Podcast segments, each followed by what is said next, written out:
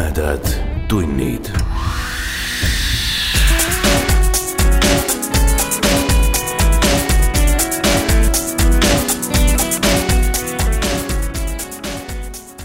tere, hea ulmesõber.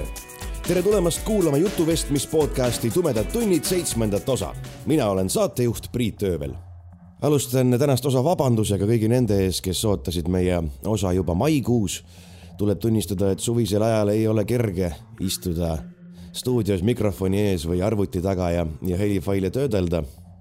aga nüüd oleme tagasi ja vähemalt kuni kevadeni vähemalt niikaua, kuni Eesti suur ja kuum suvi järjekordselt kohale jõuab, püüame nagu varasemaltki lubatud anda eetrisse ühe osa kuus, võib-olla ka veidi rohkem, võib-olla ka veidi vähem. aga eks seda näitab juba aeg. Aga nüüd tänase osa juurde. ütlen kohe ette ära, et see jääb pooleli ja teist osa kuulete täpselt nädala pärast täna algav jutt oli esimene, mis mulle meelde tuli, kui tumedate tundide idee mulle pähe kargas. ma ei tea, miks. tõenäoliselt sellepärast, et salapärased metsamajakesed on mulle alati sümpaatsed olnud. ja ma isegi püüan suviti sellistes võimalikult palju aega veeta. See jutt valiti muuhulgas ka Eesti ulmeauhinna Stalker vääriliseks kahe tuhande esimesel aastal parima algupärase jutustuse kategoorias. mina ja Aiki Penno loeme teile esimese osa Indrek Hargla põnevusjutust Väendru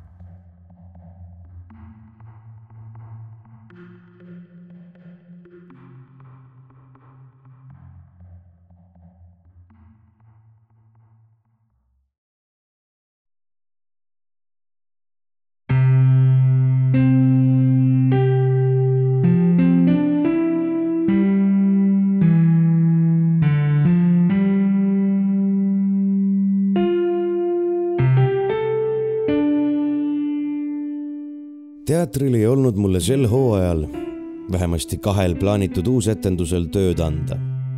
Neil on mingid, Jaan tegi käega õhus heljuva kaare, kujundlikud dekoratsioonid kavas, sellised ebamäärased. puusepale mitte midagi. ta rääkis uutest lavastajatest, nendest noortest, ambitsioonikatest ja nägemisega meestest, kes ei suuda kannatada ühtegi normaalset Eukleidese geomeetria ja teadaolevate füüsikaseaduste järgi loodud dekoratsiooni.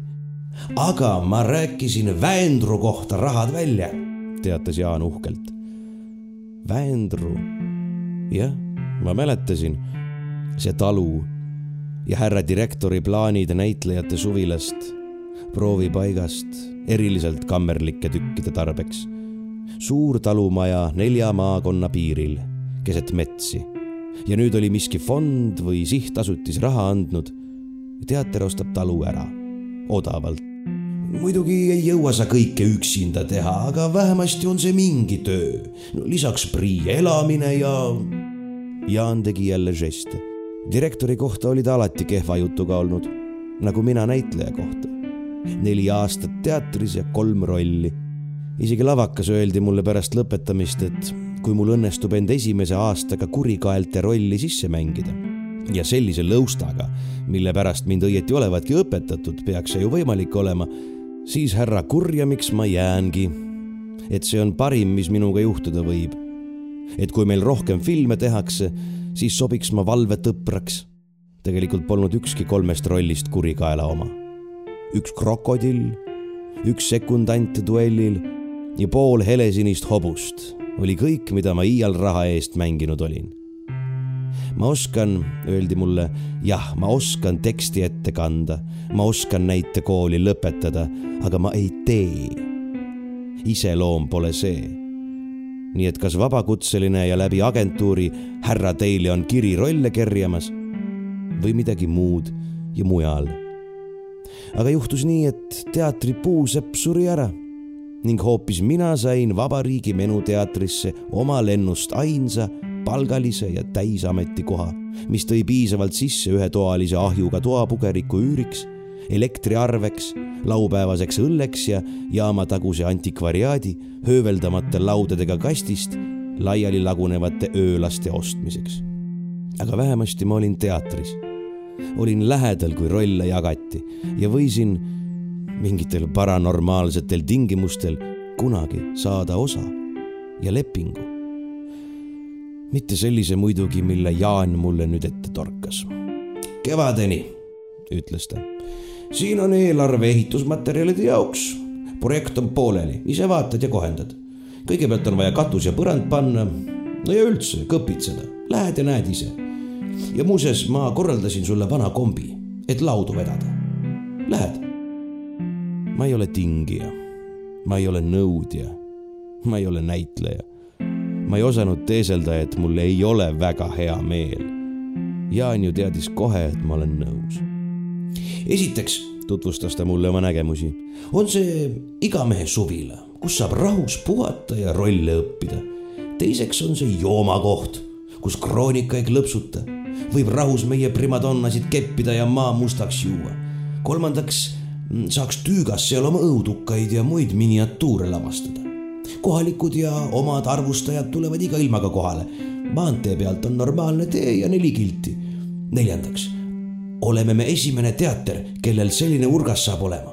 viiendaks, ma saan seal lõpuks oma hüljatud ära teha. aga seda ma ütlen ainult sulle. ja kuuendaks, oleksin ma puruloll, kui ma sellist kohta sihukese hinnaga ära ei ostaks kas seal elekter on ja telefon? muidugi, aga võrguarveid maksad ise.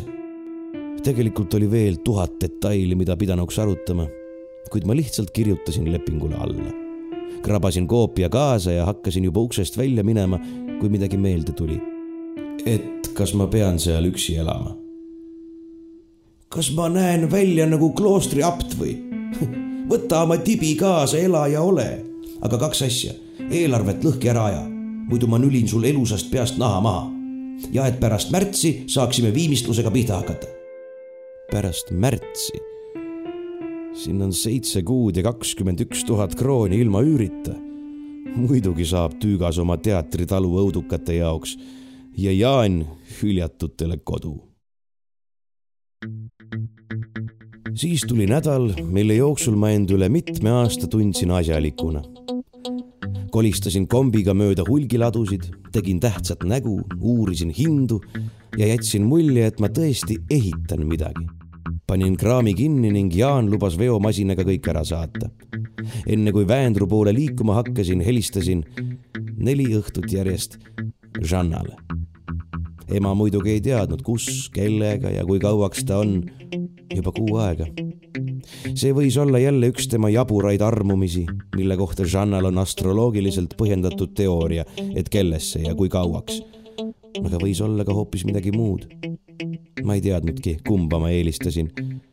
mina olin olnud ka horoskoobis sees, jätkuv, pidev ja painav Saturni mõju, millest Žanna iialgi lahti ei saa mis teda lõppkokkuvõttes õnnelikuks ei tee, aga ilma milleta ei suuda ta ka elada.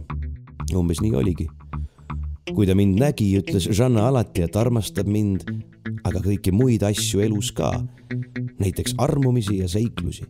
ta elas viimati kolm nädalat ühe allveelaevnikuga Hollandis ja põgenes siis koju tagasi, sõimates kõiki välismaid valgevene keele idiomaatika igast diapasoonis.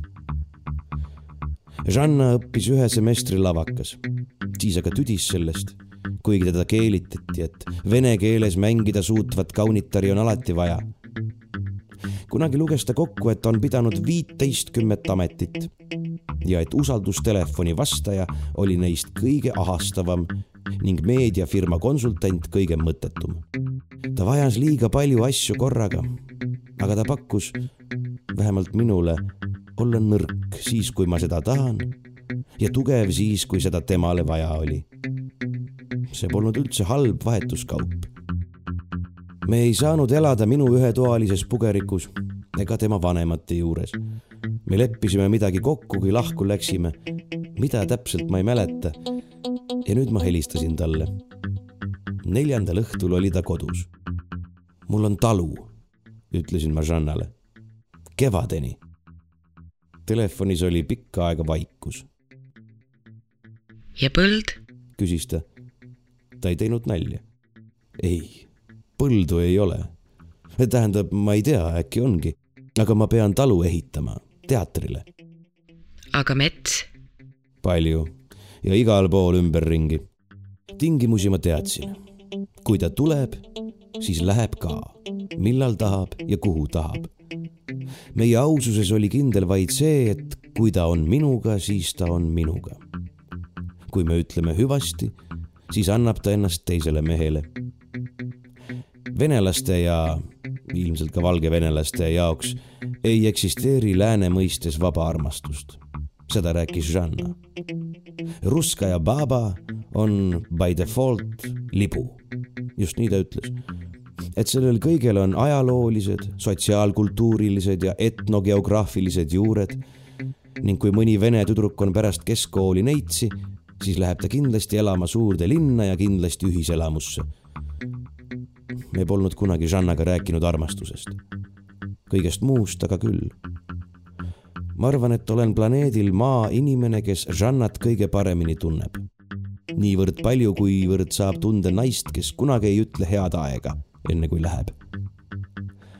aga meil oli mingi oma kell, mille seiereid me ei näinud, kuid kuulsime pimeduses selle tiksumist ja nüüd mulle tundus, et see kell lõi täistundi ma vist igatsen sind küll, ütles Žanna teisel pool toru. Et kui sul parasjagu mingit tööd ei ole, pakkusin ma, siis võid ju mul seal külas käia. mees ei tohi üksi metsas elada, ohkas Žanna. läheb hundiks kätte ära. ma ehitan seal teatrit, Jaan on loll, lõikas Žanna. teatrit ei saa ehitada hunt. tähendab, tuleb kaasa tulla. sügis on ka ju ma seletasin talle logistikat. pakkusin, et võtan ta autoga peale, kuid ta arvas, et tuleb mulle varsti üksi järele. siis ta õpetas mulle, kuidas vanas ja seisnud majas ahju kütta. hästi väikese ja ainult hõõguva tulega hommikust õhtuni. kuidas tube tuulutada, üks ruum korraga, värskeid kadakaoksi põrandale ja voodit teha. linad tuleb koidikul päikesetõusu poole riputada ta lubas tulla nädala pärast ma käisin veel teatris Jaaniga rääkimas. Laenasin kusagilt raamatuid majade renoveerimisest, ajasin habet ja tegin muid sedasorti asju. siis võtsin ühel hommikul kaardi ette ja asusin vilistades ja maailma viisakaima liiklejana sõitma. üks noor naine tahtis jalgratas käe kõrval üle tee minna. seal ei olnud ülekäiku, aga ma pidasin kinni, naeratasin ja viipasin talle käega. ta naeratas vastu millegipärast arvasin, et ta nimi on Birgit ja ta lükkas ratta üle tee. tal oli pika lõhikuga seelik, mis paljastas jalgu, otse kui tänutäheks mulle. tundsin silmadega, et ta nahk on hästi pehme ja sile. ta naeratas veel kord, nagu tundes uhkust, et ma teda vaatan ja et tänu on vastu võetud ja et üldse elu on ilus. oli küll kaks tundi ja ei kriipsugi ületatud kiirust ma olin kohal. Väendru. saabusin keskhommikul Tallinnast kaks tundi, nelja maakonna iidsel piiril, ümberringi metsad. aga teatriinimesed ongi sellised. talu oli suur. Jaan pani mulle kaasa mingid paberid ja üht-teist mällu koha ajaloo kohta et kõigest taluga seonduvast tahab ta kunagi stendi teha. Ta on selline vaikne linnastunud etnohull. mina ei ole ja et ma selle kohta uuriksin, kui vähegi võimalust. võib-olla saab isegi mõnel kohalikul lool põhineva etenduse teha, mõtiskles Jaan. aga kõigepealt Väendru ise. katsusin enda jaoks selgeks mõelda, mida ma nägin, kui pungil täis kombiga õue veeresin. kombis oli kaks kasti õlut peaaegu kõik teatri tööriistad, mida neil modernse visiooni lavale seadmiseks vaja ei läinud, läpakas ja katusepappi. seda viimast kõige rohkem. mulle meeldib kuivas magada, isegi kui ma olen läbikukkunud näitleja ja oma õnne asemel ainult puusepp. nii et mida ma nägin?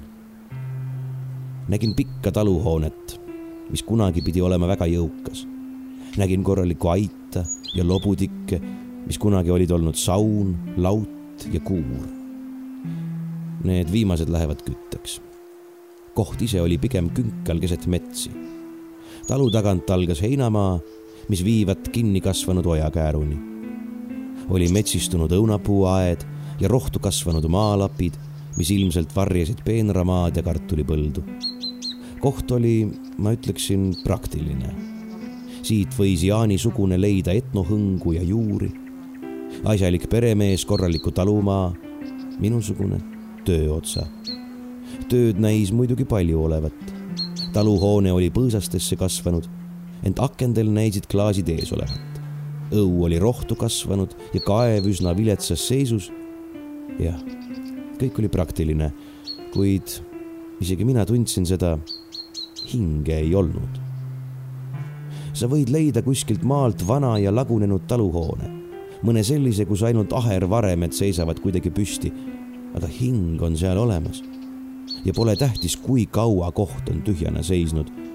kõik sõltub sellest, kes, mitte millal siin elas Väendru, ma teadsin, jäeti maha üheksakümne teisel, siis kui Tallinna keskel hakati ehitama ja need, kel raha oli, hakkasid sinna tagasi minema, kuhu nad ajaloolise õiguse järgi kuulusid.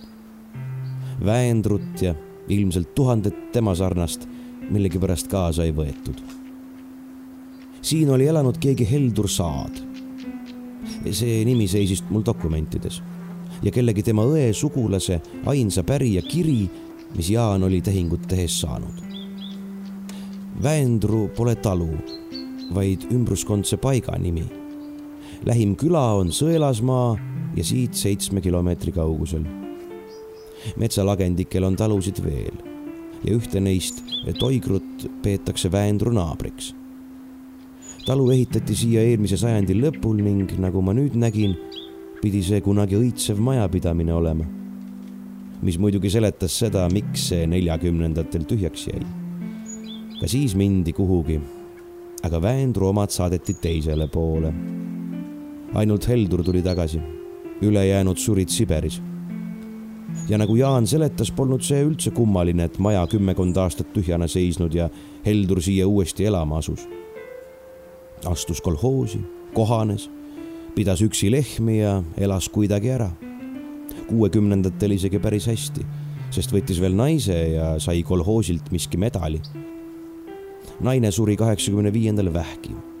Heldur pidas kõrge vanuseni vastu, lapsi neil ei olnud. talu jäi pärast tema surma tühjaks. isegi palju ilusamad kohad jäid siis tühjaks. nüüdse aja mõistes talu, see tähendab farmi, siin ei pea. maad on liiga väetid infrastruktuur pole piisav ja karjamaad napib. aga see Helduri pärija oli siin suviti nokitsemas käinud, elektri sees hoidnud ja isegi mingi imenipiga telefoni juhtme lasknud vedada. nii et ma süütasin järjekordse sigareti, korkisin õlle lahti, istusin autos, hingasin sügisõhku ja panin mõttes paika tööde järjekorra. kõige olulisema asja, vikati peale polnud ma muidugi mõelnud enne kui ma hakkan teatrit ehitama, pean ma endale tee tegema, et ukseni jõuda.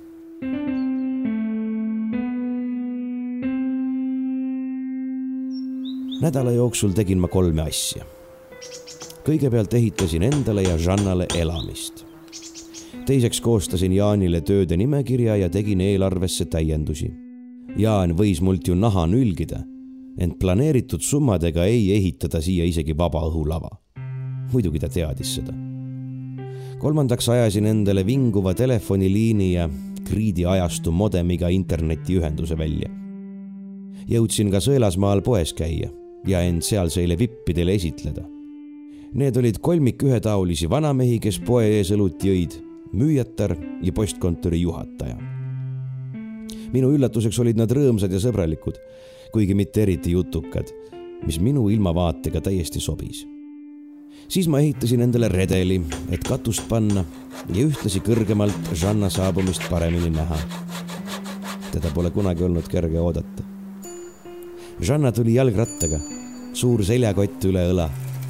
ütles, et üks tuttav, ma ei küsinud, kes see oli, tõi ta tee otsale ära ja maal ilma rattata hakkama ei saa. ta tuli õhtul ja kui ma kella vaatasin, siis selgus, et täpselt nädal pärast minu telefonikõnet, nagu ta lubanud oli ta pani ratta kuuri alla ja siis me läksime voodisse. see on temaga alati nii lihtne. ma arvan, et teistel ka. mitte, et talle ei meeldiks flirt, võlumine või kurameerimine. ma arvan, et ta nautis seda siis, kui seda parasjagu vajas. aga me ei pidanud otsast alustama. Pole pidanud kunagi nende kümne aasta jooksul, mil ta on ikka läinud ja siis tulnud, mil ta on enne minekut ja pärast tulekut nutnud.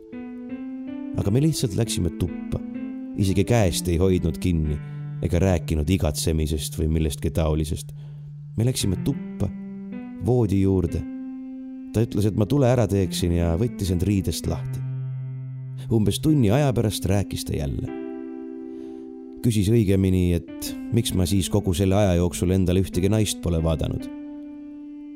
ma olin talle kavatsenud algul valetada, kuid nüüd seda enam nüüd, mil ta oli mind läbi näinud ja aru saanud, et kõik mu liigutused kõik hellitused, soovid, harjumused ja tegutsemised olid ikka samasugused kui eelmistel kordadel, eelmistel aegadel. Polnud seal enam mingit mõtet. jah, ma polnud kellegagi ümber harjunud, midagi uut õppinud. on asju, mida ei saa, vähemalt Žanna eest varjata ja ega ma väga püüdnudki. tema ise oli küll uuem. aga ma olin seda teadnud ja püüdsin oma valu sellest teadmisest uputada tema uutmoodi kallistustesse. see ei olnud kõige lihtsam asi maailmas, kuid kell lõi tõesti täistundi. meile. ja et see nii jääkski, siis pean ma mitte mõtlema ega rääkima kiindumusest, jäämisest, kooselust ega perest. ma olen Saturn. ma olen seal hämaras tähistaevas olemas, alati olemas, kuigi harva nähtav tema saatusesse sisse kirjutatud ja kuigi seal võib olla vahest kirkamaid tähti, jään ma igaveseks sinna kumama. see ei olegi nii halb lõppude lõpuks, isegi kui Žanna abielluks, jääksin ma taevaveerele leegitsema ning sügiseti meie aasta ajal oleks ta mees väga õnnetu. pärast me keetsime köögis vett, pesime ennast ja teineteist, sõime hapukapsaid jõime veini ja rääkisime, nagu me alati oleme rääkinud asjadest, mis meid ümbritsevad ja mis meile tähtsad on. aga mitte kunagi meist kahest koos nende asjade keskel, sest siin oli kõik selge. See on jälle minu ja Žanna sügis. ma rääkisin talle Jaani plaanidest ja teatrist. ta istus, põlved lõua alla tõmmatud, blondid juuksed sassis ja segamini, hommikumantel üle alasti keha, puupakul kuulas mind ja noogutas, mõtisklevalt ja asjalikult, nagu alati, kui talle millestki uuest räägiti. hüljatud, katkestas ta mind esimest korda. aga kuidas sa siin hüljatuid lavastad? Jaanil on instseneering, mille ta kunagi kirjutas. ta vist pidaski mingit sellist kohta, mis ise oleks hüljatud silmas. minu meelest on see jabur idee. Eesti olustikku üle kantud, aga noh, saa temast ka aru mina vist saan kuidagi. ta on ainus teatridirektor, kes on lavaka lõpetanud ja ei taha enda ainult arvete kuhja alla peita. aga ta näidend on muidugi sürr, kogu see plaan üldse. Et need hüljatud näitlejad? nojah, kõik need armastatud ja tuntud hääled ja kujud, kes kunagi olid superstaarid või vähemalt laialdaselt tuntud ja keda nüüd pole ükski teater enam vajanud, kes on tänavale heidetud kes pole suutnud lepingute ja agentuuride ja vabakutselise eluga kohaneda. keda uued on välja söönud ja keda moodsa mõtlemisega lavastajad enam ei vaja. eelistavad endi kambajõmme. Jaan räägib, et on masendav, kui kiiresti rahvas oma lemmikud unustab ja kui suure vaimustusega neid taas vaatab ning ise sealjuures ahhetab, et näe, kuhu see mees nii kaua kadunud oli. aga see on tema jaoks äri või? vist mitte ja tähendab, noh, muidugi ta teenib ja teater teenib, ent see oleks tema eraprojekt. peamiselt isiklike ambitsioonide rahuldamiseks. ja ta tahab neid hüljatuid näitlejaid aidata. Hüljatud mängimas hüljatud kohas hüljatuid. noh, umbes nii jah. tead, see meeldib mulle. tööd ma sel päeval enam ei teinud. jõin õlut. kui Žanna läks ümbruskonda uitama ja seda tundma õppima ning kirjutasin õhtupoole, juba õlleuimas, mõned kirjad Tartusse, Roomasele. et kui tal on aega ja viitsimist oma arhiivis ringi vaadata, siis mida sealt Väendru ja Sõelasmaa kohta leida võib. Žanna oli peaaegu pimedani ära. ja ma teadsin, et nüüd hakkab see jälle nii olema. ta on minuga, kuid läheb siis, kui tahab ja on nii kaua, kui tahab. peale metsas uitamise pole tal siin midagi teha. aga lõppeks ongi see üks tema lemmikasju. õhtul ütles ta mulle, et siin on hiljuti kaks hunti elanud, kes kitsed ära peletanud ja üks mägraurg on ka. Aga üldiselt oli ta kummaliselt vaikne ja kuidagi eemal ning ära. seniajani, kuni me taas voodisse läksime ja alles enne hommikut uinusime. tema jäi varem magama ja mina kuulasin veel pikka aega tuule undamist. tundsin end korraga Väendru peremehena. see oli hea tunne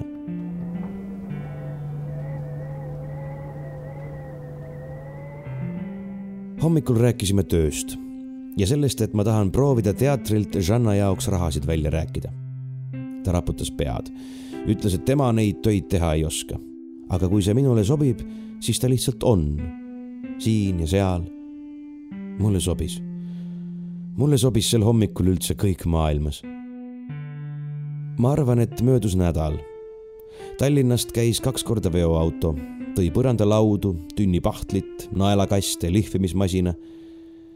Teater ei hoidnud kokku materjalide, küll aga tööjõu koha pealt. paar korda käisin poes õlut ja purgisuppe toomas.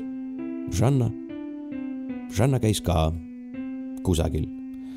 mitte, et ma üldse poleks küsinud, aga ta andis põiklevaid vastuseid ja siis ma enam ei küsinud. ta lihtsalt oli selline ja kui ma tahtsin, et ta end vabalt ja mugavalt tunneks siis pidin laskma tal päevad läbi ringi hulkuda.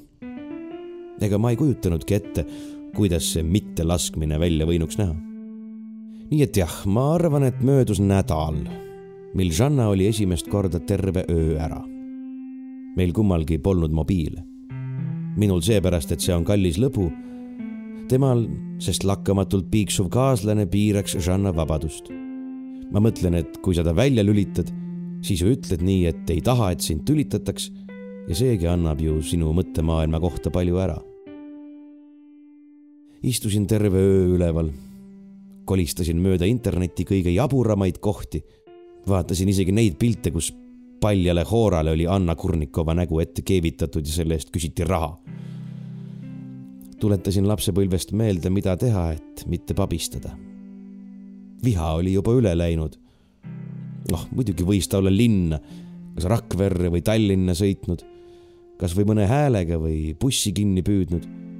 Ja muidugi võis ta metsas jala murda või karu kätte jääda või mõne inimese. lugesin oma kirju. isegi roomaselt oli vastus, et Väendru ja Sõelasmaa kohta on muidugi pärimusi, isegi vanasõnu ja laule, väga põnevaid ning et mis mind täpsemalt huvitab vastasin kiiruga, et midagi huvitavat ülesriputamiseks. ta istus vist ikka veel Vanemuise huulitses kompuutri taga ning vastas, et homme saadab.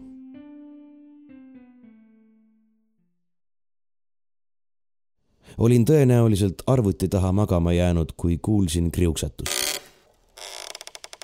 ma tundsin seda kriuksatust olin seda varemgi kuulnud ja nüüd kulus mul mõned sekundid mälus taastamaks, et mis niimoodi häält teeb see on ukse lävepakk, kui sellele ükskõik kui ettevaatlikult astuda. Žanna ei taha mind äratada, ta hiilib. Õues oli kott pime ja ma ei kujutanud ette, kuidas ta ilma taskulambita tee võis leida. kust iganes ta siis ka ei tulnud. aga ta on selline. leiab alati tee, kuuleb ja kuulab, kuidas elutud esemed temaga räägivad. ma ei tahtnud talle lävele vastu söösta ma vist mõtlesin midagi eneseväärikusest ja karmi näo tegemisest.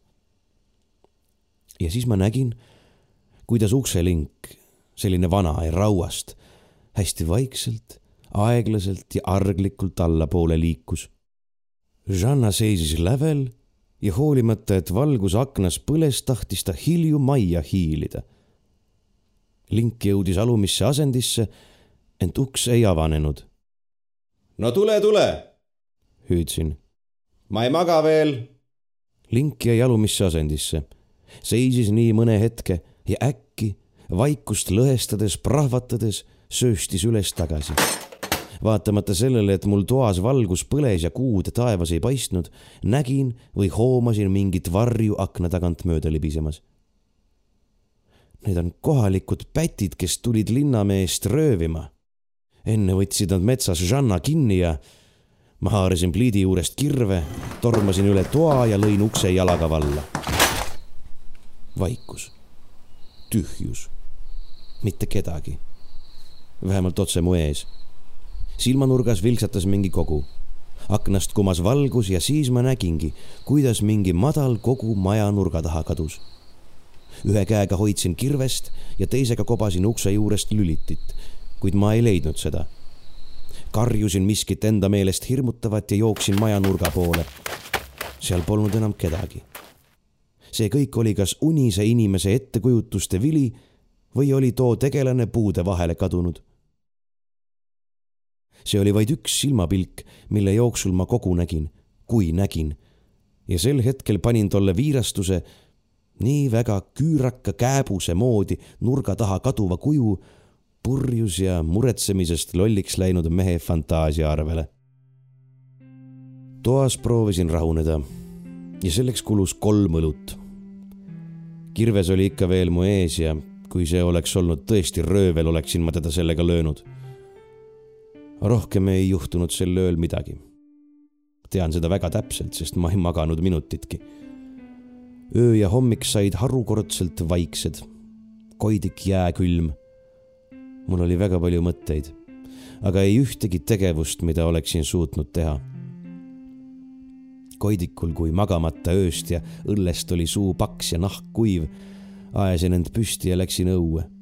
seisin pikalt ja vaatasin läbi sügisese koidu udu metsaviirgu taamal. võdistasin jahedusest õlgu. siis märkasingi jälge ukse ette olime jõudnud juba trampida palja savilapikese ning keset niisket ja vastuvõtlikku pinnast oligi jälg, mida kummardusin vaatama. kes iganes too öine uudistaja oli olnud, ei kandnud ta saapaid. laps, võimatu. mitte sellepärast, et isegi maalapsed ei jookse tavaliselt öösel metsas ringi, vaid mu silme ees virvendas ikka veel küüraka kääbuse kuju täiskasvanud inimese jaoks oli jälg liiga väike. ometi oli selles midagi seoses kõrge vanusega. ma ei osanud oma muljete virvarris orienteeruda. Selja tagant pandi käed mulle silmadele. soe keha klammerdus mu külge. arva ära, kes on. Žanna hääl oli kähe, nõrk, aga soe. ma ei pööranud end ümber lasin end emmata. haigrud lendasid üle maja, kluuksatasid. Žanna hingeldas kergelt. ta oli vist jooksnud. ta naaldus mu vastu, niisked ja soojad peod silitasid silmi. Tema embuses oli nii andeks palumist kui keelitamist, et ma ei küsiks, kus, miks ja kellega ta oli olnud. ma tahtsin varem tulla, juba paar tundi varem, aga ei saanud, ütles Žanna tavaliselt ta nii ei ütle. keegi käis juba paar tundi tagasi. keegi, kes katsus ukse linki. aga ma ehmatasin ta ära. keegi? kes siis? ta ei tahtnud, et ma teaksin. Aga nägi välja nagu küürakas kääbus ja oli paljajalu. selle peale ei öelnud Žanna midagi, justkui oleks kääbused igaöine asi. ta ohkas suudles mind ja me läksime tuppa ning magasime õhtuni ma olin raisanud ühe päeva tööd. me keetsime vett ja pesime end, tegime rassolnikut ja jõime odavat Bulgaaria veini. kõike seda üldiselt vaikides, sest mina ei tahtnud küsida ja tema vastata. pärast istus Žanna lahtises hommikumantlis voodiserval, lõikas küüsi ja mina sehkendasin unise pea ja väriseva käega projekti muudatusi. Väendru oli pikk talu kui üks vahesein, mis niigi selgelt hiljem on ehitatud, maha võtta, saaks istmetele rohkelt ruumi juurde. lavaosa ehk meie praegune köök täitub Jaani tahtel odavalt kokku ostetud vanaaegse talumööbliga. teine lavakoht saab õue aida ette. korraliku taluteatri jaoks jääb Väendrul küll kõrvalhooneid väheks, ent see pole enam minu mure. tõesti ei ole.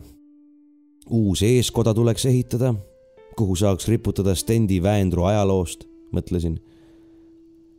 tangide naksumine lakkas ja Žanna käed tõmbasid mu püsti, kustutasid tule ja vedasid magamistuppa.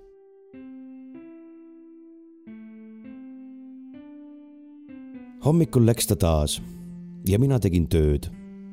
Žanna tõi seeni, puravikke ja me praadisime neid võis. pärast lobisesime ja armastasime.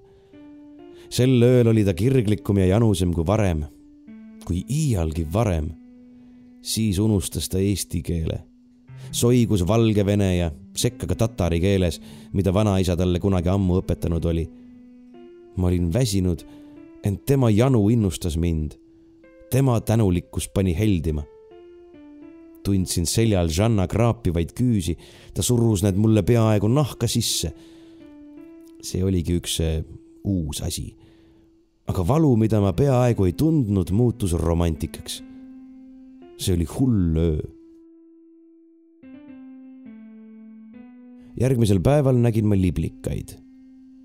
kollane parv tiirutas ühe väikese samblase mätta kohal ja ma imestasin, et nii hilja sügisel veel liblikaid näha on.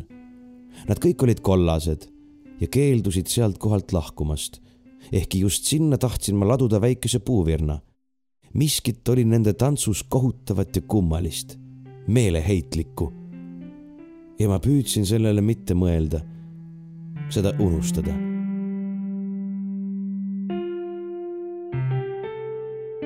meie sügistes, minu ja Žanna on alati vähe valgust ja rohkesti pimedust, hämarust, avanematust.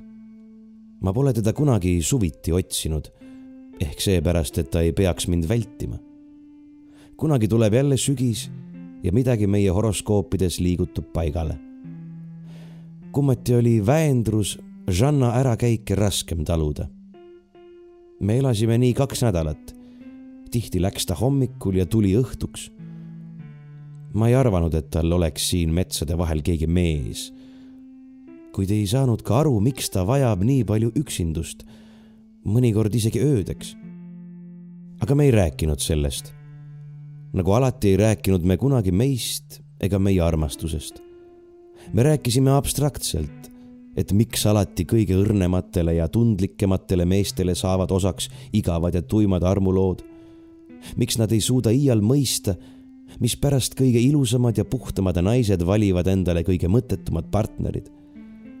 rääkisime Žanna murest, et miks mehed muutuvad huntideks ja metsad jäävad päris huntidest jahipidamise tõttu tühjaks. rääkisime Žanna tätoveeringust. ta oli lasknud vasakule õlale tätoveerida suure sümboli, mingid põimuvad rattad, mis äraseletatult, nagu selgus, tähendas idamaade filosoofias igavest, lõputut ja täitumatut püüdlust hingerahu poole. me ei rääkinud sellest, kus ta käis ja miks ta nii tihti soengut vahetas. miks iga päevaga ta näkku üks korts juurde sigines või miks ma teda kollaste liblikate juures ükskord nuttumas nägin. sain esimese asjaliku kirja Roomaselt. ta oli veidi valesti või omamoodi mõistnud, mida mul tegelikult vaja oli. Kiri sisaldas üleskirjutiste statistikat mingite tüüplegendide ilmnemisi ja kordumisi, AT numbreid, mis Väendru ja kihelkonnaga seotud, palju erialast terminoloogiat. ma ei mõistnud sellest kõike ja imestasin tema pühendumust ja vaeva. ühtlasi teatas ta, et nelja maakonna ajalooline piir on tõepoolest ajalooline. maakondade piirid pole iseenesest muutunud sellest ajast, kui neid maakondi üldse mainitud on nelikpiiri läheduses on alati elanud palju tarku, nõidu, posijaid, selgeltnägijaid ja muud sedasorti rahvast. praegu, teadis Roomas, kuulsaid tarku siin läheduses pole, selliseid, kelle juurde üle vabariigi sõidetakse. siiski olla ta kuulnud, et ümber Väendru elavat neid koguni neli tükki.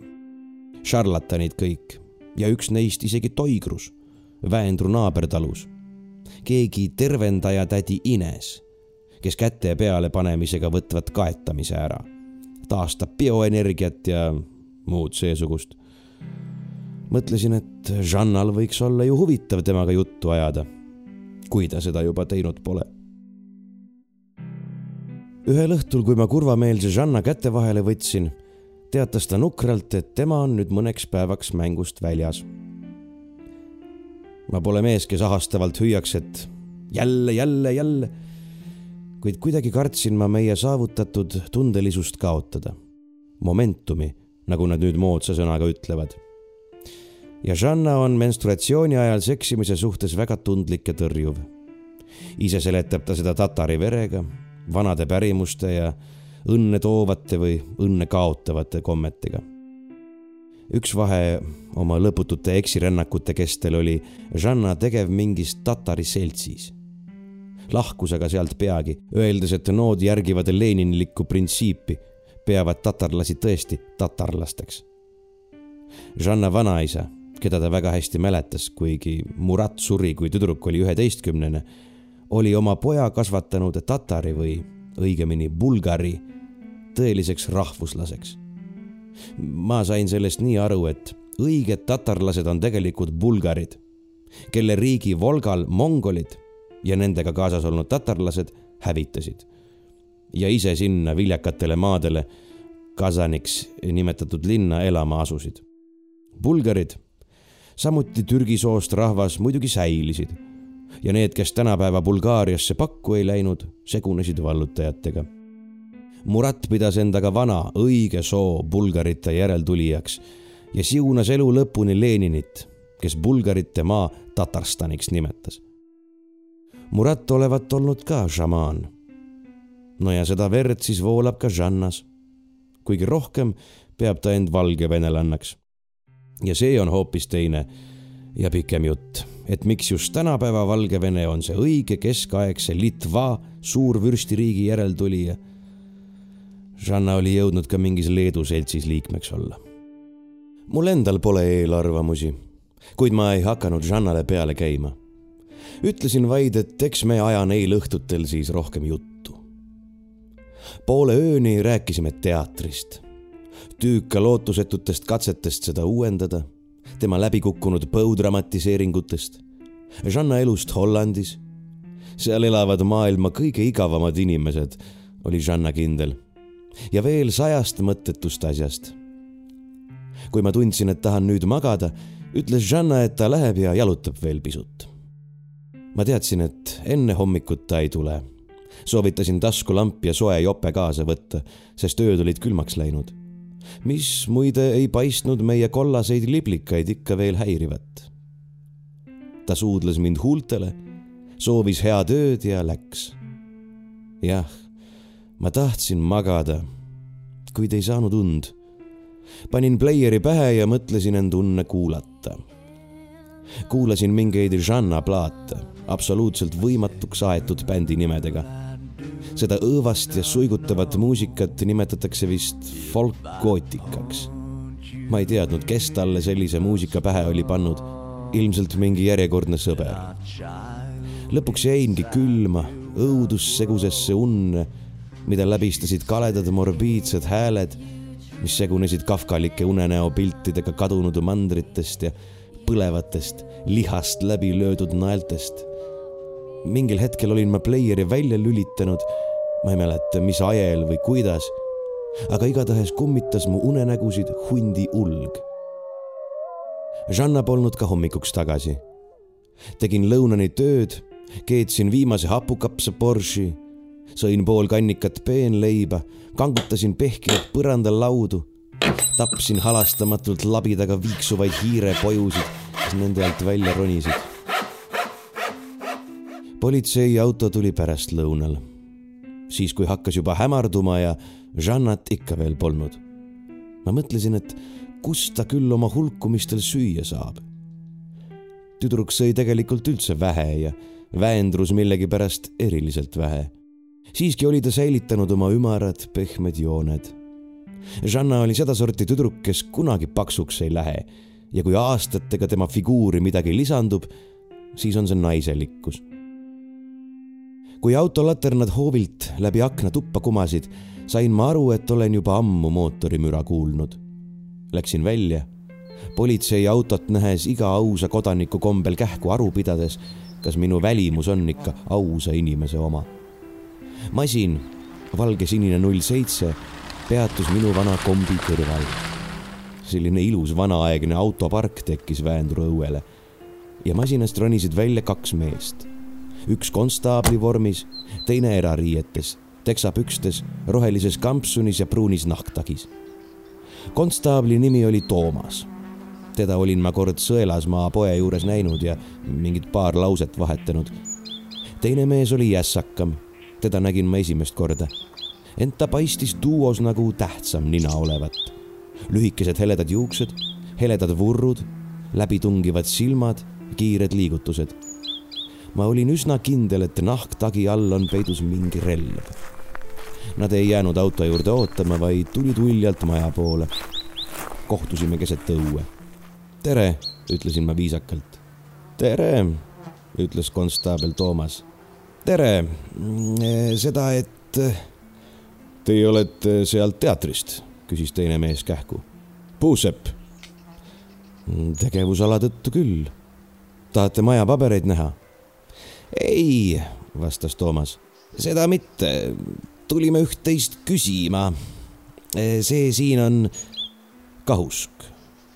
vaneminspektor Kahusk Keskkriminaalpolitseist, kostis nahktagi toonil, nagu oleks tema auto null null seitse. väga kena, laususin. mina olen Reino, puussepp Reino. tulete ehk sisse? mul on kuuma teed, õlut ka, kuid seda vist ei maksa pakkuda me oleme roolis jah, arvas Toomas. ei, sina oled roolis, märkis vaneminspektor Kahusk. ma niisama võtta ei saa, aga tegelikult on kuradima suur janu. Ma maksan ühe pudeli kinni. Saku Pilsner, ega meie palgaga paremat joogi. seitse krooni. siin poes on kuus viiskümmend. ma kohe toon.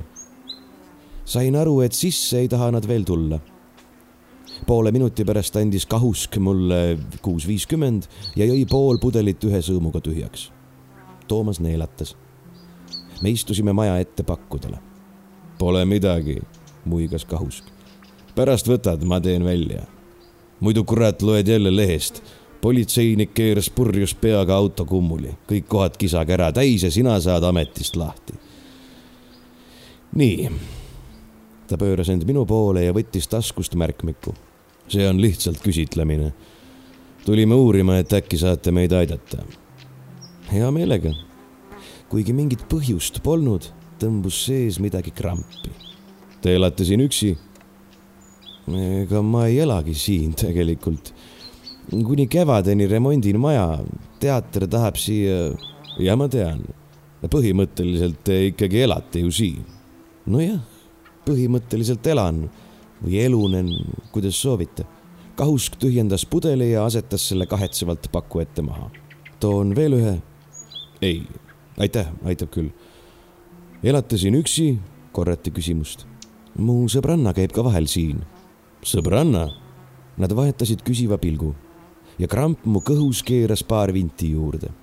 või noh, tema elab vist ka siin, kui nii võtta, aga ta pole kogu aeg siin seda sa mulle ei öelnud, sõnas Kahusk Toomasele, et neid siin kaks on. no ma ei teadnud ju, ütles Toomas vabandavalt. ega nad pea registreerima ja kes see teie sõbranna on? Žanna Belgubova Faizieva Tallinnast. töötab, õpib? kõike korraga. viimati töötas meediafirmas konsultandina. Mhm. ja kus ta praegu on? kausk tähendas midagi oma märkmikusse. ma ei tea ausalt öelda. ma ei päri ta käest aru, kus ta käib. talle meeldib metsas uidata. jälle vahetasid nad kõneka pilgu. Ma arvan, et see tuli tahtmatult ja et see oleks pidanud minu eest varjule jääma. et lihtsalt hulgub mööda metsi ringi. jah, talle meeldib looduses. ta korjab seeni ka. see kõlas tobedalt. süütasin sigareti ja kohe tegid Kahusk ja Toomas seda järele. minul oli rumba, neil mõlemal Bond. kus ta praegu on? küsis Kahusk siis. ega ei tea? Ei, ma ei tea, ta läks eile õhtul, ütles, et jalutama ja pole veel tagasi tulnud. nüüd olid nad mõlemad pikka aega vait, puhusid suitsu ja mina tundsin ka vajadust õlle järele. kas ta siis eh, tihti jalutab nii kaua? küsis Kahusk lõpuks. talle meeldib üksi olla, vastasin. mida ma pidin neile ütlema? Et ma elan koos naisega, kes hulgub üksi öösiti mööda metsa ja mul pole aimugi, kus ja miks. aga jah, ta on tihti nii kaua ära. ja teil pole õrna aimugi, kus ta võiks praegu olla? metsas, pakkusin ta on mul selline natuke imelik, looduslähedane. kus kandis metsas? kas Sõelasmaa pool, Priidumäel või Niitude kandis? küsis nüüd konstaabel. Mul polnud kohalikust geograafiast täpsemat ettekujutust ja nii ma neile ka ütlesin. et äkki ootaks tüdruku ära, päris Toomas siis kahuskilt vaikselt. too raputas mõtlikult pead. moment, ütlesin siis mina. moment muidugi olete te teretulnud ootama, kuigi mul on tööd pooleli. aga kui mina või Žanna millegagi aidata saame, siis seda ka kindlasti teeme. aga enne, kui te tulite, ei teadnud te üldse, et Žanna ka siin elab. ja nüüd te küsite ainult tema kohta. vaadake, ma olen igati aus ja korralik inimene, maksumaksja, nagu nüüd kombeks öelda, ehkki näitlejaks õppinud. Žanna on ka ja äkki te ikka seletate, et mispärast see uurimine teil käib Ameerika filmides vist öeldakse selliseid fraase kohmetunult, ent veenvalt naeratades. käed kergelt ette sirutatud. Wait, wait, wait a minute, wait a minute, but. Me olime koolis neid filmide stampväljendeid ja ilmeid harjutanud, peamiselt selleks, et teada, kuidas ei tohi mängida. Toomas kuulas mind suu ammuli. Kahusk ütles jah, mõtles siis hetke järele ja ütles veel kord jah toon äkki veel ühe õlle, ma ise just tahtsin. mul pole vist enam peenraha. ah, minge põrguma kuue-viiekümnega, rääkige mulle parem, mis värk siin käib. Kui Kahusk teise Pilsneri lahti korkis, lausus Toomas. paar seenelist ja marjulist on ära kadunud. kõik kohalikud inimesed, kes siin juba aastaid korjanud ja neid metsi tunnevad. noored kah ja mobiilidega ja kadunud nagu vits vette ja sellepärast kutsutakse keskkriminaalist vaneminspektor, küsisin mina. seeneliste pärast. Toomas pidas hetke aru, vaatas küsivalt kolleegi poole ja too noogutas nõusoleku märgiks mm.. Sällikse oja kaldalt Rahnu juurest leiti ühe seenelise korv ja Rahnul olid mingid plekid. võimalik, et vereplekid. poisid praegu Tallinnas uurivad. jäid karu kätte, arvasin või hundi. ühtegi karu meil siin jäägri sõnutsi pole. hundid aga pole siin ealeski ühtegi inimest rünnanud. Hundid, tahtsin öelda, aga Kahusk jõudis ette. olgu peale, lausus ta. Te ütlete, et too näitsik on teil ka öösest saati metsas. kas ta pole teile midagi varemate käikude kohta rääkinud? on ta äkki metsas kedagi näinud või midagi kahtlast tähele pannud? kas teie olete siin midagi näinud, kuulnud võõraid liikvel märganud, ükskõik mida. et ühel öösel katsus keegi mu ukselinki, keegi paljajalgne küürakas kääbus. seda öelda neile või? mulle tundub, venitasin siis, et öösel keegi nagu oleks hoovis kolanud. ega kindel ma pole ja mingeid märke ka ei jäänud.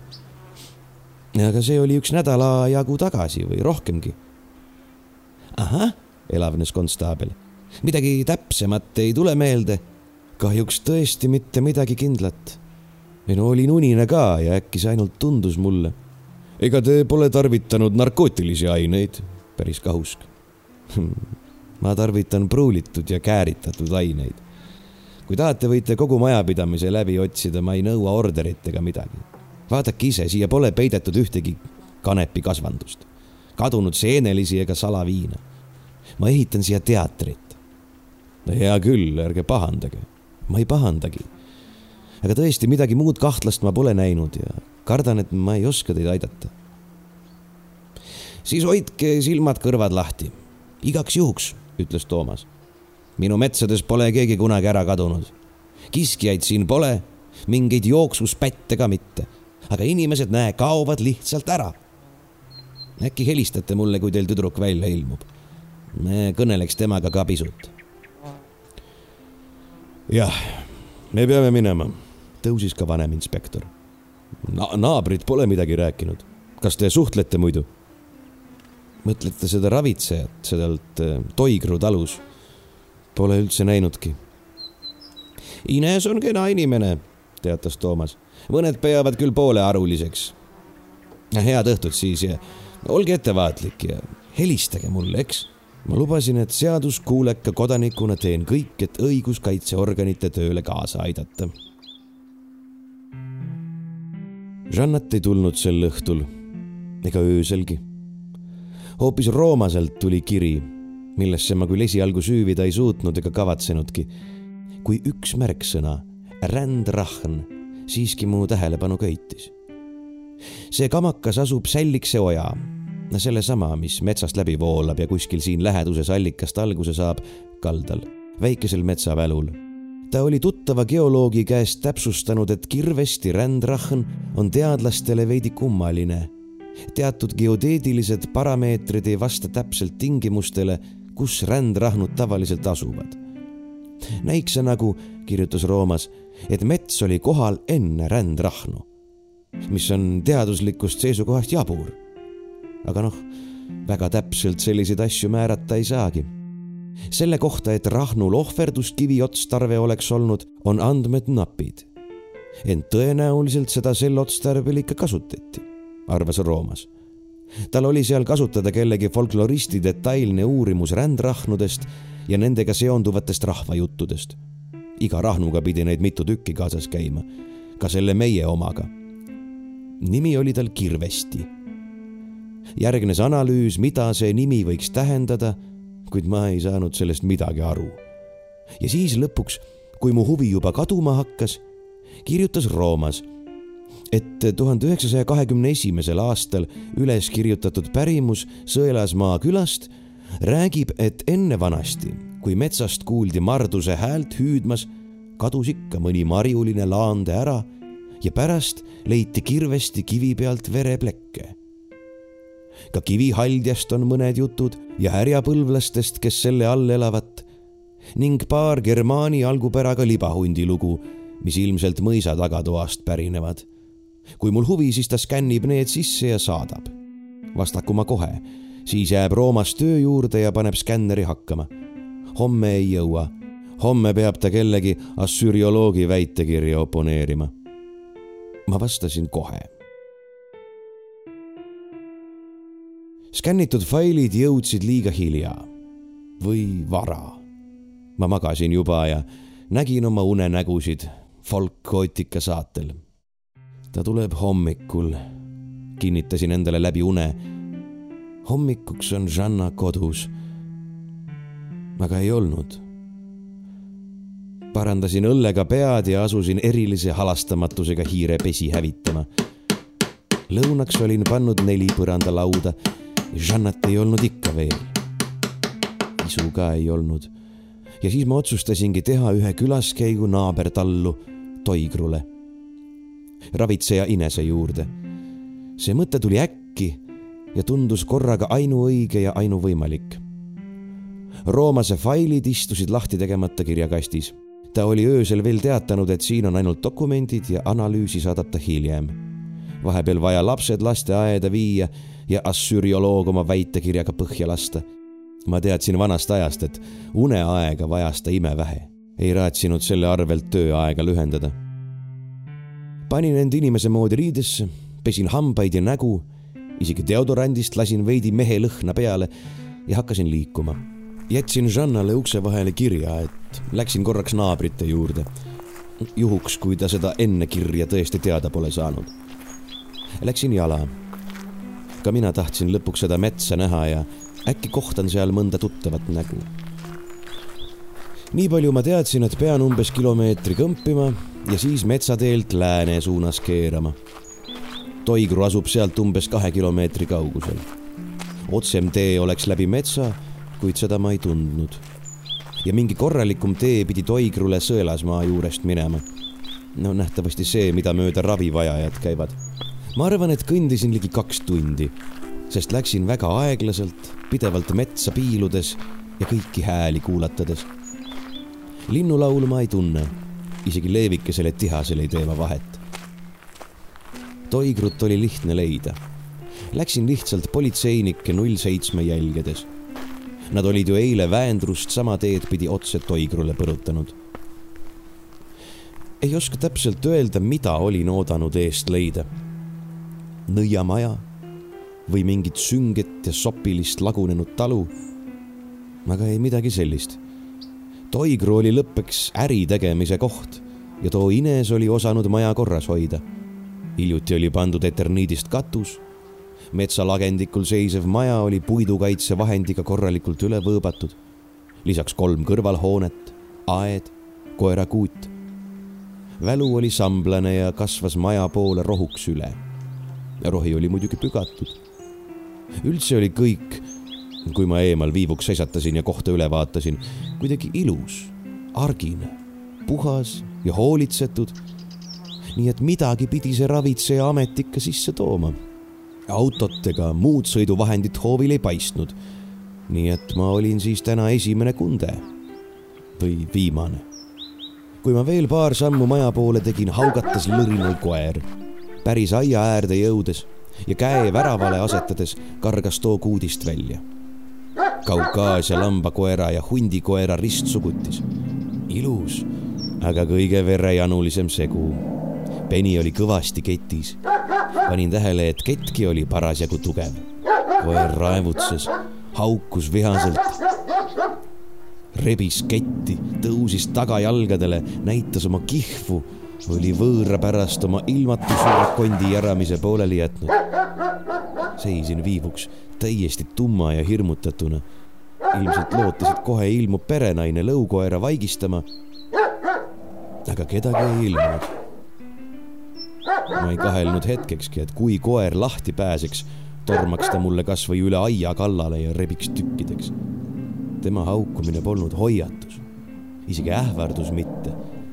See oli verejanuline sõja kuulutamine, lepitamatu raev. ma siiski võtsin julguse rindu, avasin ettevaatlikult värava ja tegin paar arglikku sammu maja poole, et isegi kui perenaine selle kisa peale välja ei ilmu võiks vähemalt kontrollida. igaks juhuks. künofiilsed alged minus puuduvad, ma ei osanud ega tahtnudki lõukoerale midagi rahustavat öelda, talle mingeid žeste teha või muud. lihtsalt lootsin keti tugevusele ja lähenesin uksele, pannes silmanurgast majapidamist tähele, et ega tädi Ines kuskilt välja ei ilmu. kõrvalhooned osutusid lähemal vaatlusel kuuriks, aidaks ja saunaks. kõik korralikult hoolitsetud, vastupidavad ja isegi sümpaatsed. maja uks aga oli lahti. ma ei oleks muidu sisse läinud, kui mitte eilne korravalvurite külaskäik. mul lihtsalt oli vaja teada. koputasin siiski, hüüdsin midagi lävelt, paotasin ust ja astusin üha raevukavaks muutuva lõrina ja haukumise saatel tuppa. tere. tere, halloo. vaikus, kui peni mitte arvestada. esik, puhas ja korras, ei ühtki asja ripakil, isegi tavapärast vana maja kopituslõhna mitte. trepp viis pööningule, seinal elektrikilp, vanamoodne seinakapp, riidenagid, laudpõrand üks uks avanes kööki ja teine elutuppa. seisin hetke ja ootasin. kiikasin kööki, mitte kedagi. aga köögis oli soe. pliidi all oli hiljuti tuld tehtud, isegi mingid toidulõhnad ja suur pada oli koldel. Nägin veel kohvimasinat ja raadiot, elektroonika. siis pühkisin jalgu ja astusin elutuppa. halloo kas keegi on kodus ka? ikka veel ei olnud. elutuba oli selline tüüpiline seitsmekümnendate kolhoosniku kodu. mustade peente alustega puusüdamega hele mööbel, kušett, kaks tugitooli, madal laud mingite ajakirjadega, telekava vist Maalehest oli avatud ja selles mingeid saateid joonitud. seinasektsioon, selles vana raaduga värvitelekas, vana Toomase laualamp. minu arust on see juba antiikväärtus. päevakardinad, telefon, see Poola oma, mis kunagi kõigis kontorites ja kodudes oli. standardne steriilne tuba. jällegi puhas ja korralik, ei mingit isikupära äkki see ongi vastuvõtutuba? üks uks viis veel edasi. koputasin, tegin viivuks lahti. paistis olevat proua magamisruum, voodi ja tugitool ning sinna ma ei tükkinud. seisin mõned minutid ja ei osanud enam midagi ette võtta. loomulikult oleksin pidanud kohe aru saama, et lõukoer on hästi välja õpetatud kui perenaist kodus pole, siis ehmataks ta siit surnuga eemale. kui see just pole närviline Reino, kes oma kadunud tüdrukut otsib. Telefon. otse kui automaatselt sirutasin käe ja tõstsin oranži toru. võib-olla tahtsin konstaablile helistada, võib-olla Žanna emale, aga torust ei kostnud ühtki häält. Telefon oli täiesti tumm, nagu poleks tal isegi juhet taga kummardusin, et kaeda, kas see on seinast lahti ühendatud. juhet ma nägin, aga kuhu see edasi läks, mitte. võõras kodus ei hakka ju ometi mööblit kohalt nihutama. samal hetkel taipasin, et õuest ei kosta enam peni möirgamist. ja et see on pisut kummaline, arvestades, et võõras on ma. keegi seisis äkki mu selja taga.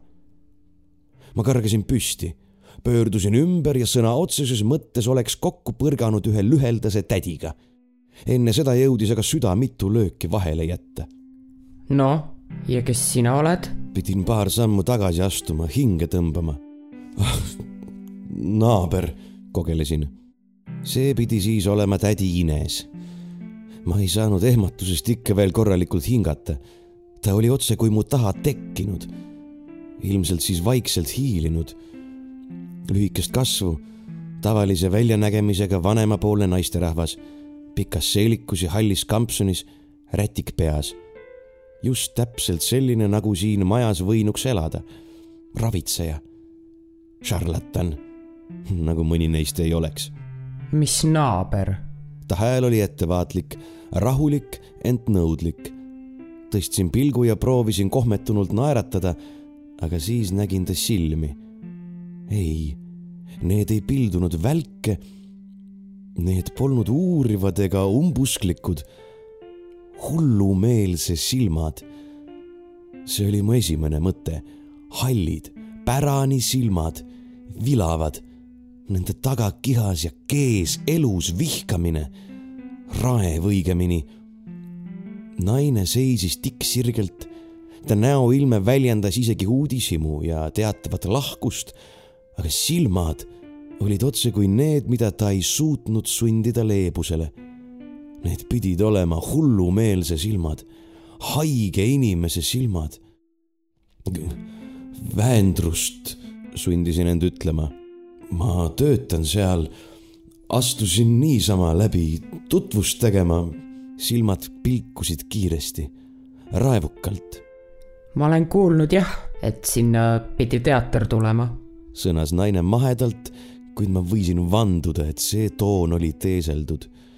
juhul kui silmad ei peta ja on hingepeegel, nagu räägitakse. ma ütlesin oma nime. mind ei palutud istuda.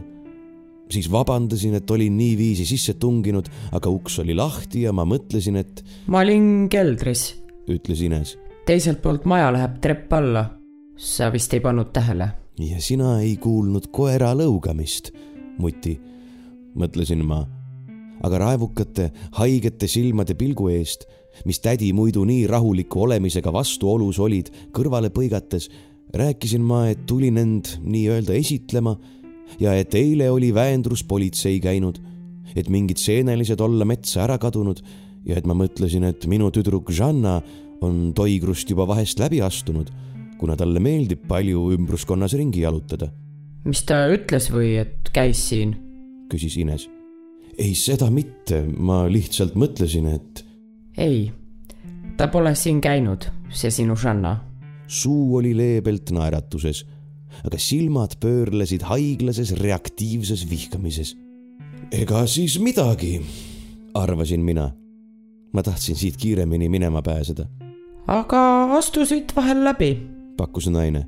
naabrite asi kui on miskit häda, eks ma proovin aidata. või kui tüdrukul on muresid, mille vastu tohtrid ravi ei leia. kohe kindlasti, tulge. ühe kandi inimeste asi, eks ole.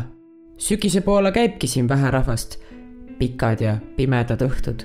tee on sul nüüd ju selge. või kui tüdruk ei viitsi tulla, siis tule üksi. ma juba näen, et sind miski mure rõhub.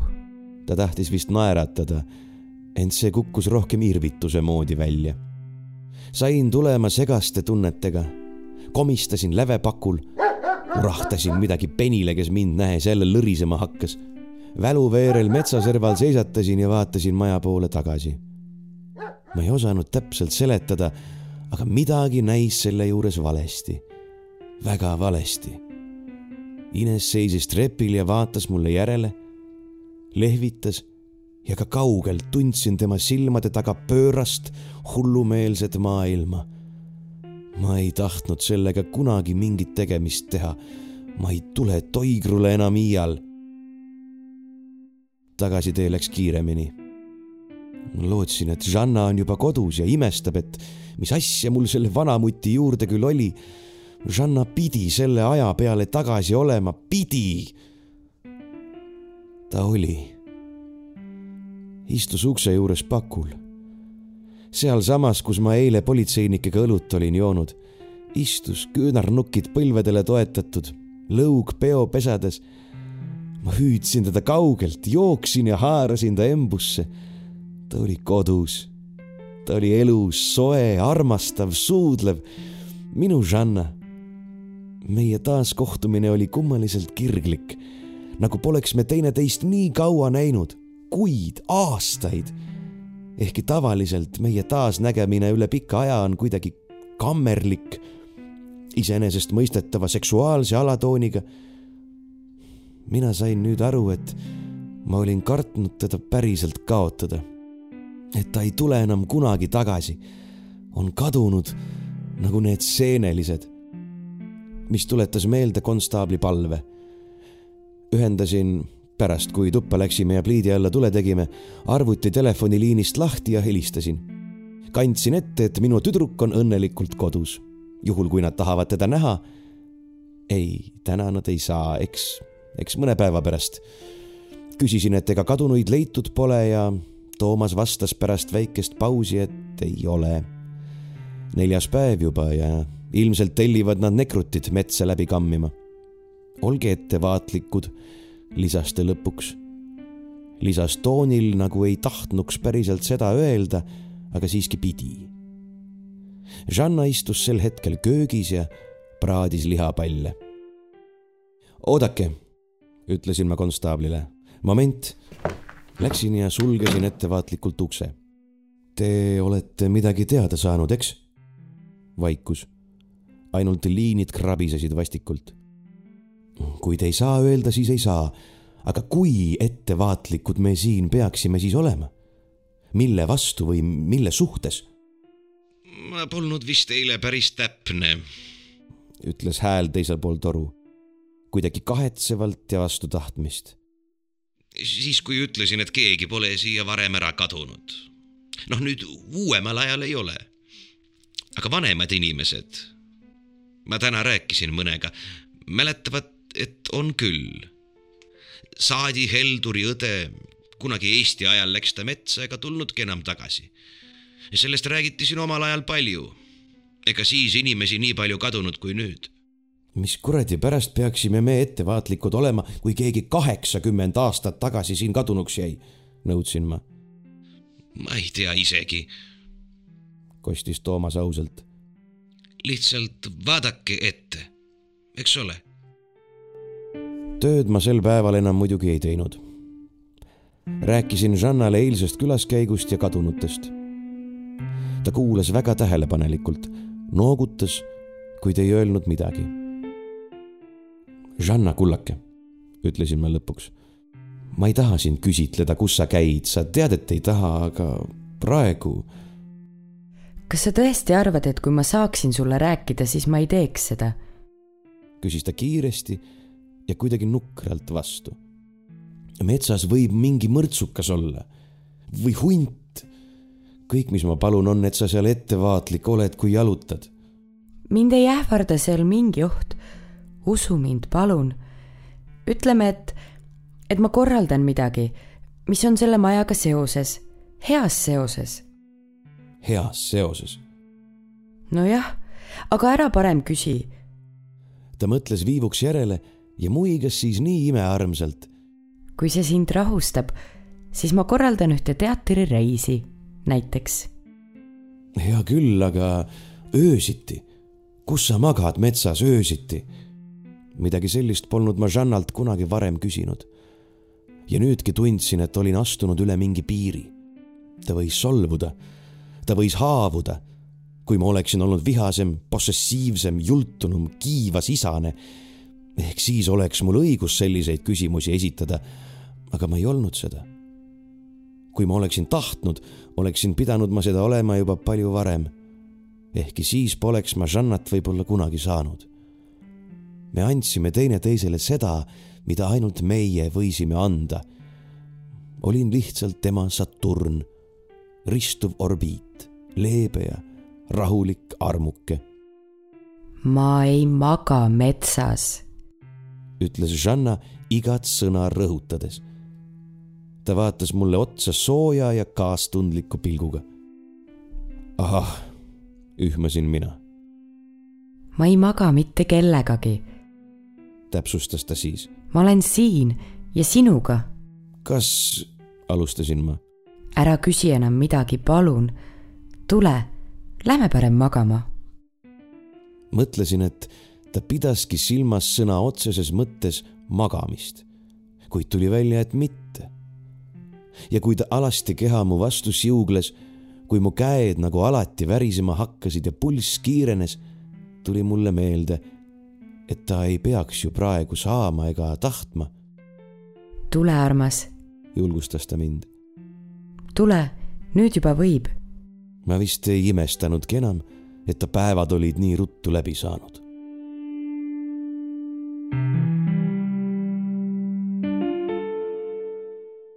pärast ei saanud ma tükk aega und. vähkrisin külmast.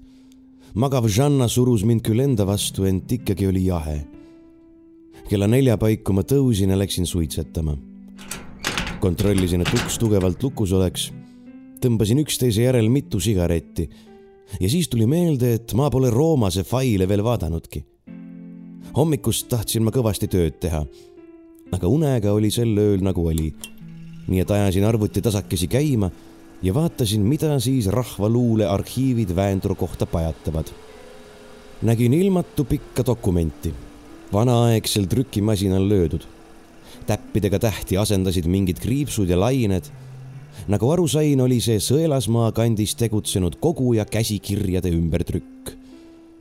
peamiselt mainiti seal kirvesti rändrahnu, kivihaldjaid ja härjapõlvlasi ma ei suutnud seda vanaaegset ja rohmakat stiili palju lugeda.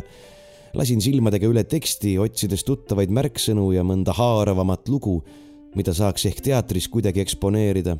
kuigi tegelikult olid teatrihuvid mul veidi tahaplaanile jäänud.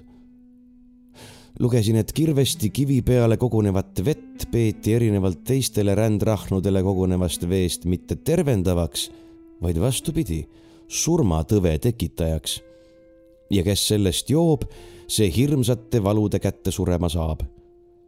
kirvesti haldjatele ei toodud ohvriande, sest need olid kurjad ja hirmsad haldjad.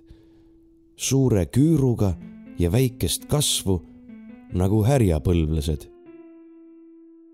kirvesti rahnu juures ei käidud haldjatelt abi palumas ja need, kes seda teinud olid, arvati metsa vahele ära kaduvat alati, kui keegi ära kadus, tekkisid kivi peale vereplekid. mõnikord oli neil inimese kuju, mõnikord mõne looma oma. üks jutt rääkis, et Rahnu otsas olla enne muiste kuri rõugutaja ja üks teine jutt väitis, et see olla hoopis Mardus, kes sealt surma kuulutab, istunud, kes marjulisi abipalvetega kohale meelitas ja need siis ära sõi ja ohvrite naha maha nülgis. Härjapõlvlased, kes kivi all elavad, teevad seal sepatööd, taovad mõõku, nii et kogu maa vabiseb ja selle kõmin kaugele kuulda on. veel üks pärimus teatas, et see tüdruk, kes sohilapsega käima peale saanud, läheb Rahnu juurde, teeb kolm tiiru vastu päeva, viskab Rahnu peale viljatõri ja rõugulist appi hüüab, saab koormast lahti. ja nii edasi mõned nädalad tagasi oleksin ma kogu selle kupatuse kohe Tüükale edasi saatnud. tema on meil selliste vanade õuduslugude huviline. järgnes Roomase analüüs. ta arvas, et tegu on väga huvitava materjaliga, väga rikka ja üsnagi ainulaadsega.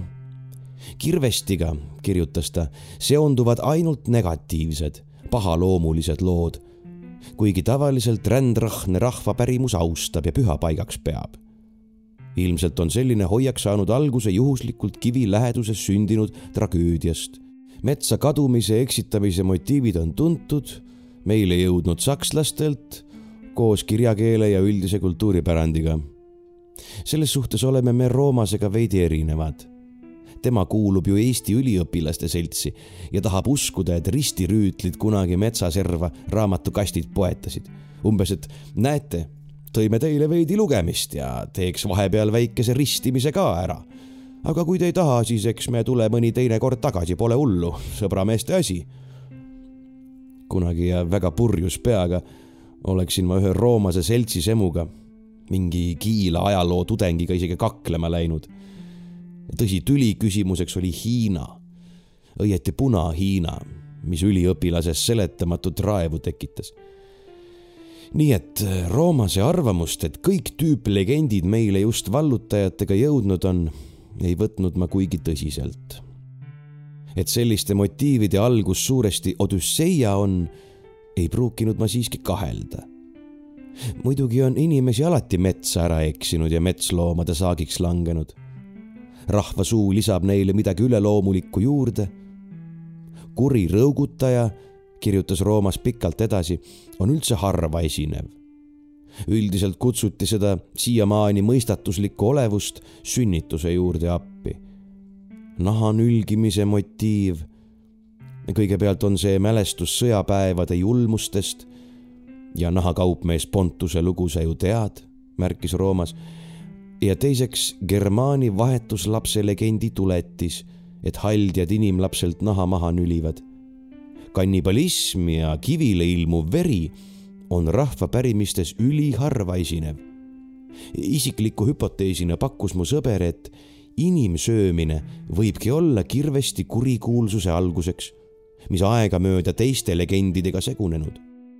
veri näiks see viitavalt gooti tondilugudele ja pärineb ilmselt mõisas jutustatud literatuursetel legendidel. härjapõlvestega seotu on standardsem ühtlasi peamiselt Skandinaavia trollilugude peegeldus.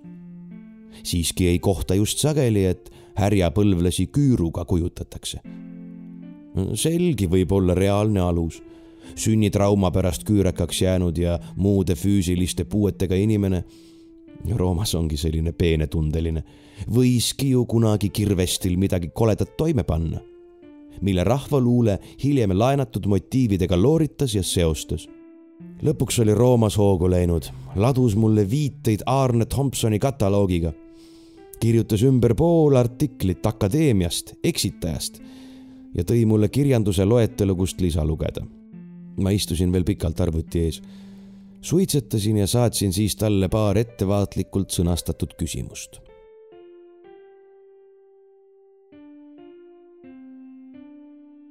hommikul magasin muidugi kaua Žanna ka ei äratanud mind. hiilis hoopis kööki kohvi keetma ja võileibu tegema. nii et ärkasin mõnusa hommikusöögi lõhna peale. me lobisesime niisama ja siis läksin ma tööle. Žanna jäi terveks päevaks väendrusse ja isegi aitas mind. päev oli selge ja päikeseline. tube kraamides ümises Žanna mingit Valgevene rahvaviisi. aga ma ei saanud teisiti, kui pidasin oma tüdrukut kogu aeg silmas olin ettevaatlik, uurisin tee otsa ja metsapiiri. ma ei tea, mida ma kartsin. ja oma öiseid küsimusi Roomasele ma juba häbenesin. õhtupoole tuli tuttav null seitse. sedapuhku ainult vaneminspektor Kahuskiga. mulle pakkus ta kõigepealt võlgu jäädud õlle eest kuut ja poolt krooni, ent ma saatsin ta sellega taas põrgusse. istusime maha ja ta küsitles Žannat. mul oli hea kuulata, kuidas keegi teda küsitleb, ehkki kuigi kaugele politseinik ei jõudnud. Žanna vastas leebelt ja rahulikult, aeg-ajalt kahetsevalt pead raputades. ei, ta pole metsas midagi imelikku näinud. ei, pole kuulnud hõikeid ega näinud kaotatud esemeid. jah ta on harrastuspärane looduse uurija, talle meeldib loomade jälgi otsida ja ravimtaimi korjata ja üldse matkata. Kahuski ju ei teadnud, et mu Žanna oli ühe semestri lavakas õppinud. pärast saatsin ma mehe autoni ja pärisin, et kuidas uurimine edeneb. ega ametlikku uurimist veel polegi, tunnistas ta. aga homme teeme määruse ära. kuradi vastik lugu tegelikult. nii et mingit vastust ma ei saanudki ma küsisin siis, kas naabrinaine Toigrul ka midagi arvas ja ega tema koer neid nahka tahtnud pista. koeral pole häda midagi, märkis Kahusk tunnustavalt. korralikult välja õpetatud, hoiab võõrad eemal. kena vanainimene too teie naaber. kahju ainult, et temagi midagi näinud ega kuulnud pole. aga see viimane lause ei kõlanud nagu päris siiralt. nojah, tõdesin. metsad on siin ju paksud ega te tema juures televiisorit vaadanud? telekat? ei, miks? niisama küsisin suu soojaks, unustage ära. ta lubas, et unustab, kuigi üle näo libises mõistmatuse vari. ma kõnelesin eile konstaabliga, rääkisin edasi.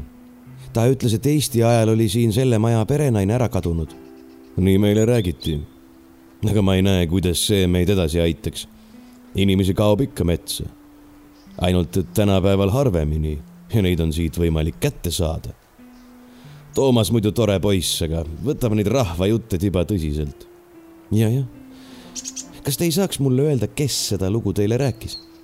Kahusk pani käe auto ukselingile, kobas teisega taskus sigarettide järele ja põrnitses mind veidi üllatunult. vaadake, seletasin kiiresti edasi. me tahame teatritalus stendi maja ajaloo kohta teha või nii mulle anti pioneeri ülesanne pisut uurida, et kas on midagi huvitavat juhtunud või. tänapäeval peab ju kõik kaubaks minema. Tüügas, meie lavastaja, tahab siin õudukaid teha ja siis saaksime kuulutada, et saladuslik Väendru metsatalu, no ja nii edasi. meeleldi puhuksin isegi selle inimesega juttu. ega see Inese-tädi olnud. seda rääkis, kostis Kahusk natukese aja pärast, kui oli sigaretti süüdanud üks vanaproua Sõelasmaalt ta elab otse poe tagant läbi Männiku kollases majas. Salme Kumpanen on ta nimi. ta on eluaeg siinkandis elanud. aga Ines saabus siia alles kümmekond aastat tagasi. ah soo, ei osanud ma selle peale midagi mõistlikku kosta. ärge siis inimesi ära hirmutage oma saladuslike metsataludega. niigi on rahvas närvis. see oli käsk kui ta kiiresti suitsu pahvis ja teise käega hõredaid juukseid silus silmasin tõepoolest kaenla alt paistvat püstolit. iseloomulikku neljakümnese kaliibriga Glock kahekümne kolme nurgelist plastpära. kõigi tõsiste politseinike lemmikrelv. ilmselt viieteistkümnene magasin. maailma täpseim ja kiireim püstol. ei hirmuta. head õhtut teile, vanem inspektor, sõnasin siis. head õhtut muuseas, ma tahtsin veel küsida, et on teil eesnimi ka? minu oma te teate. ta nipsutas pooliku sigareti porilompi, tõmbas auto ukse lahti ja mulle tundus, et natuke liiga vaikselt ja kiirustades ütles ta pärast pausi. Rinaldo on mu nimi. Rinaldo Kahusk, et eh, head õhtut siis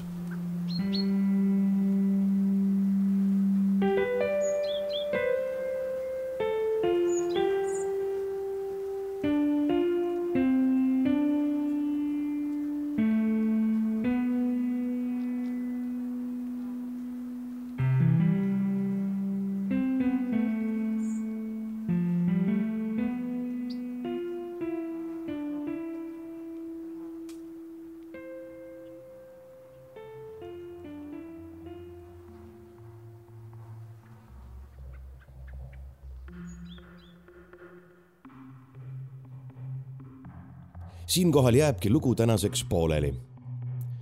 seda, kas Reino oma küsimustele vastused leiab ja kas politseiniku vööl olev püstol ka pauku teeb, kuulete juba täpselt nädala pärast.